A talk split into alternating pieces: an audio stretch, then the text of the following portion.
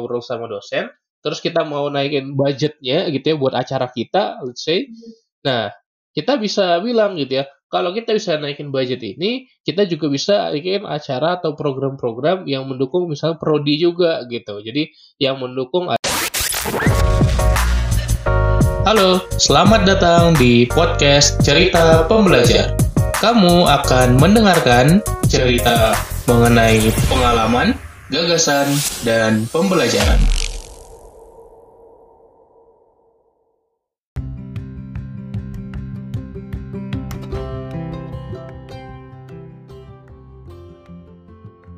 Halo semua sobat pembelajar di mana pun kalian berada, semoga kalian sehat selalu ya.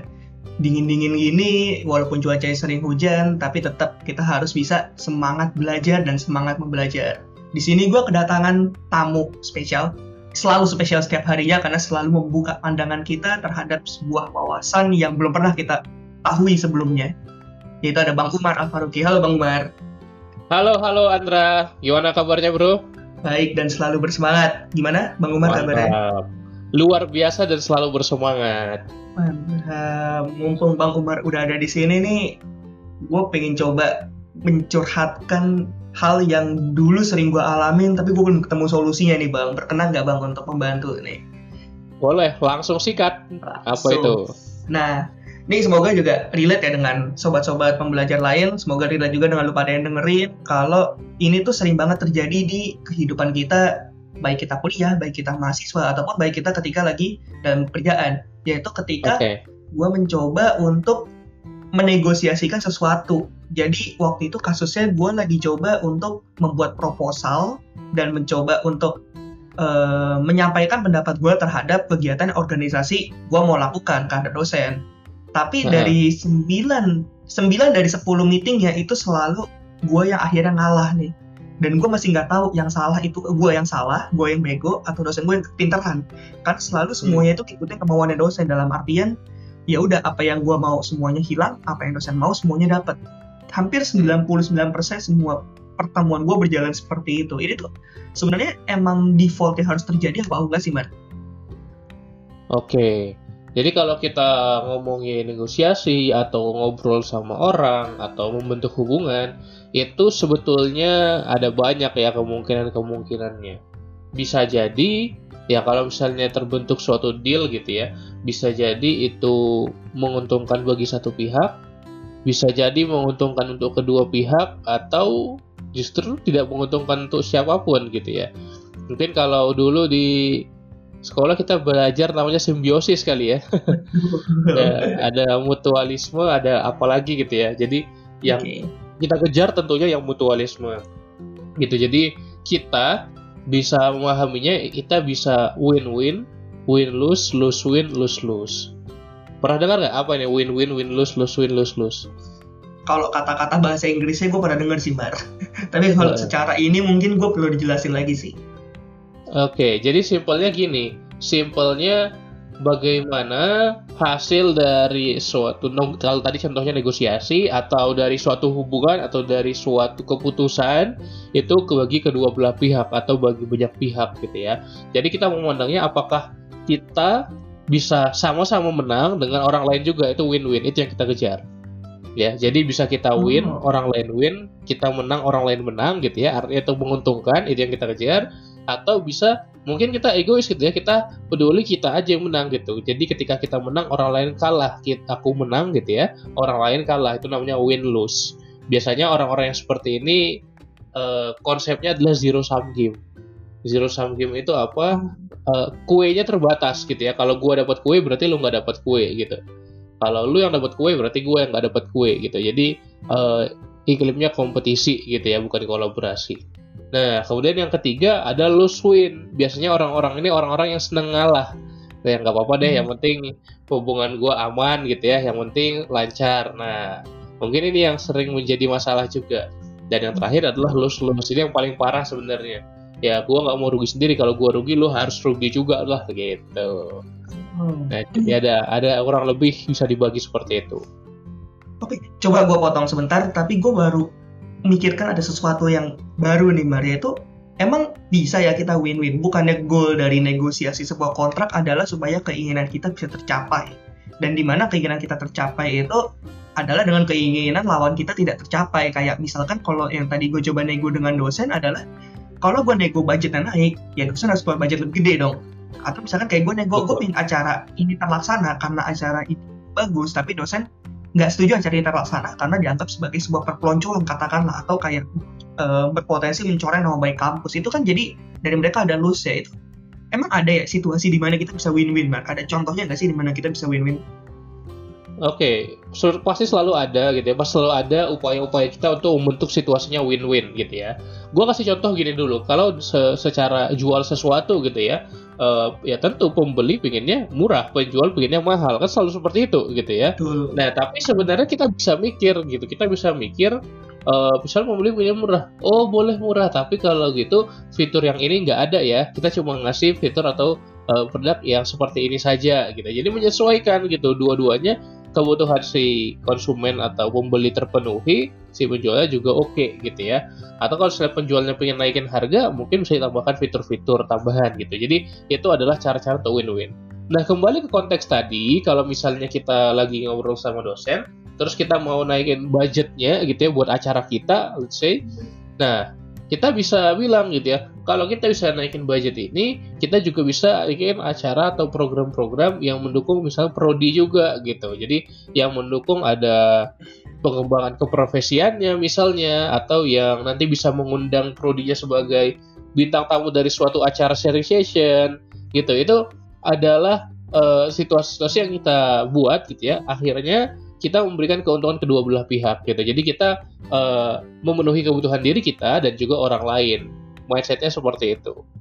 Oh, jadi gue baru kepikiran nih. Ternyata ketika gue mau meneguhkan sesuatu, gue juga harus memperhatikan kemauan dari lawan pihak gue apa, supaya mereka istilahnya bisa seneng juga gitu ya, Mare. Betul sekali.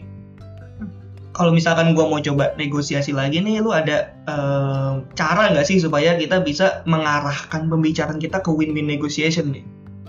Oke, jadi ini uh, sudah simpel banget ya kalau diingat. Ini gue dapat dari bukunya Seven Habits. Poinnya adalah lu harus punya dua hal. Ya, lu harus punya dua hal dan itu harus lu tanamin di mindset setiap mau ngobrol, mau negosiasi, mau bentuk hubungan, mau bekerja sama, mau merumuskan solusi, ya apa pun. Nah, apa dua mindset ini? Dua mindset ini adalah peduli dan berani. Peduli dan berani. Apa maksudnya peduli dan berani? Jadi gini, pertama kita harus paham dulu kebutuhan orang apa. Kita harus mau memenuhi kebutuhan orang lain. Kita jangan seenaknya sendiri, kita jangan semaunya sendiri. Jadi kita harus peduli dengan apa yang orang lain mau. Gitu. Jadi ketika kita peduli dengan apa yang orang lain mau, kita bisa memenuhi kebutuhannya. Okay. Tapi kita juga harus berani untuk menyampaikan apa yang kita mau. Kalau orang yang berani doang, tapi eh, sorry, kalau orang yang peduli doang tapi nggak berani, akhirnya nanti jadi apa? Jadi lose win, jadi ngalah. Hmm. Gitu karena nggak berani ngomongin apa yang dia mau gitu ya. Tapi kalau orang berani menyampaikan apa yang dia mau gitu ya, tapi nggak peduli, cenderungnya dia win lose. Gitu. Harus kedua-duanya kita punya supaya kita bisa jadi win-win. Nah, hmm. jadi berani menyampaikan apa yang kita mau, asertif lah istilahnya asertif gitu ya. Okay. Uh, eh, asertif itu apa namanya? Kita tidak agresif untuk menyampaikan terus gitu ya. Tapi kita juga tidak pasif untuk tidak menyampaikan. Jadi kita mau menyampaikan tahu tapi tahu batasnya gitu ya, asertif lah dalam beraninya itu. Nah, tapi yang penting karena ini masalah di mindset ya kita harus selalu berani dan harus selalu peduli gitu. Nih mantap, gue udah kebayang sih uh, secara teoritis. Tapi secara praktisnya gue belum kebayang nih Mar. Dalam artian gimana gue bisa menerap pedulinya gue bisa nerapin. Maksudnya hmm. udah kebayang oke okay, berarti gue cuma cari tahu apa yang menguntungkan lawan pihak. Tapi gimana kalau kondisinya tidak menguntungkan dari lawan pihak? Misalkan contoh nih kasusnya uh, kita coba berubah dari mahasiswa menjadi karyawan. Ketika karyawan mau okay. coba nego untuk naik gaji. Mostly kan naik gaji itu tidak menguntungkan dari perusahaan, tapi karyawannya butuh nih untuk kita menerapkan satu pedulinya seperti apa kayak emang benefit bagi perusahaan untuk naikin kita itu itu sih gue gak bayang yang pertama. Yang kedua beraninya. Ini kan konsep yang sedikit tabu nih mar. Kalau yang kayak mahasiswa lapor acara ke dosen it's pretty clear ya. Maksudnya itu aman sama sekali. Tapi kalau kayak um, karyawan minta naik gaji itu kan kayak uh, entah kenapa ada masih ada beberapa tempat yang menganggap itu tabu nih nah itu beraninya harus sampai saat tahap mana sih Oke, okay, nice. Jadi kalau misalnya tadi contohnya kita uh, ngajak apa mengajukan ya mengajukan naik gaji hmm. itu kan sebenarnya kita membentuk suatu kesepakatan sebenarnya artinya nggak akan bisa kalau kita coba datang gitu ya minta naik hmm. gaji mengharap naik hmm. gaji kita naik gitu nggak sesimpel itu tentunya memang gitu ya nah kita harus benar-benar uh, menerapkan berani dan peduli ini gitu ya Peduli dulu hmm. pertama kita list dulu apa-apa aja yang kira-kira menguntungkan bagi perusahaan. Bener nggak? Oke. Okay. Ada nggak di perusahaan lu orang yang gajinya dua kali lipat, tiga kali lipat lu sekarang? Oke. Okay. Biasanya ada, biasanya ada kan. Nah, okay, jadi gimana cara kita memahaminya? Kita lihat, oh ternyata dia job description-nya emang lebih tinggi levelnya dari kita, atau dia area of responsibility-nya lebih banyak dari kita gitu. Jadi kita bisa tawarkan, oh gue bisa handle juga nih, nggak hanya di bidang operasional, tapi di bidang marketing. Nah, okay. gimana kalau misalnya gue take juga di bagian itu, boleh juga di uh, coba dulu gitu ya kita probation untuk memperluas apa uh, job expansion gitu.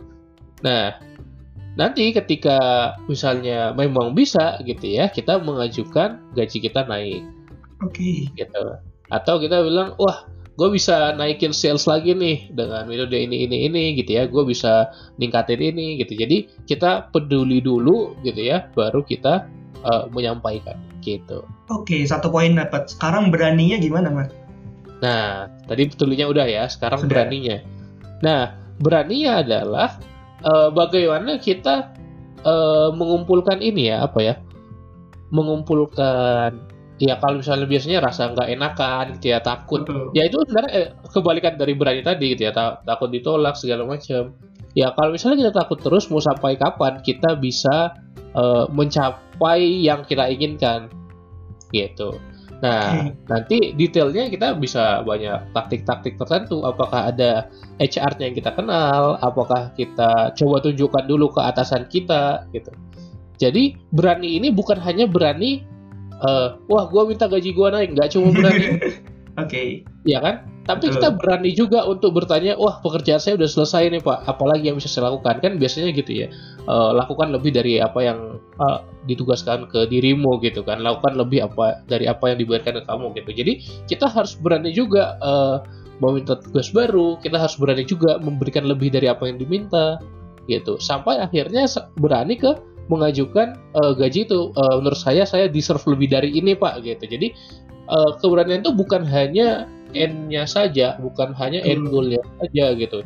Itu yang sering kali orang salah gitu ya. Orang berani untuk meminta mm-hmm. apa yang dia inginkan tapi tidak berani untuk mencoba mengusahakannya. Betul. Gitu. Akan-akan mau diadakan prosesnya kurang lebih gitu Oh oke, okay. jadi gue breakdown nih beraninya sebenarnya ada tiga buah ya. Yang pertama berani atau mempersiapkan diri terlebih dahulu sehingga berani dengan bahan yang sudah dibawa. Yang kedua keberanian untuk mengajukan dan yang ketiga adalah keberanian untuk bertanggung jawab setelah kita mengajukan. Bisa begitu ya? Betul, okay. nice breakdown. Oke, okay. sekarang kalau orangnya batu nih Mer, cara cara ngehandle orang yang batu di semua tempat ini banyak perdagangan, pasar teman bahkan teman tuh banyak yang batu. Tuh cara kita biar win-win untuk kamu yang batu tuh bisa gak sih? Oke okay, nice banget nih. Ini gue pernah juga ditanyain seperti ini. Jadi sebetulnya uh, nggak empat doang ya. Nggak tadi kan ada win-win win lose lose win lose lose. Sebenarnya kalau lengkapnya itu ada enam. Ya.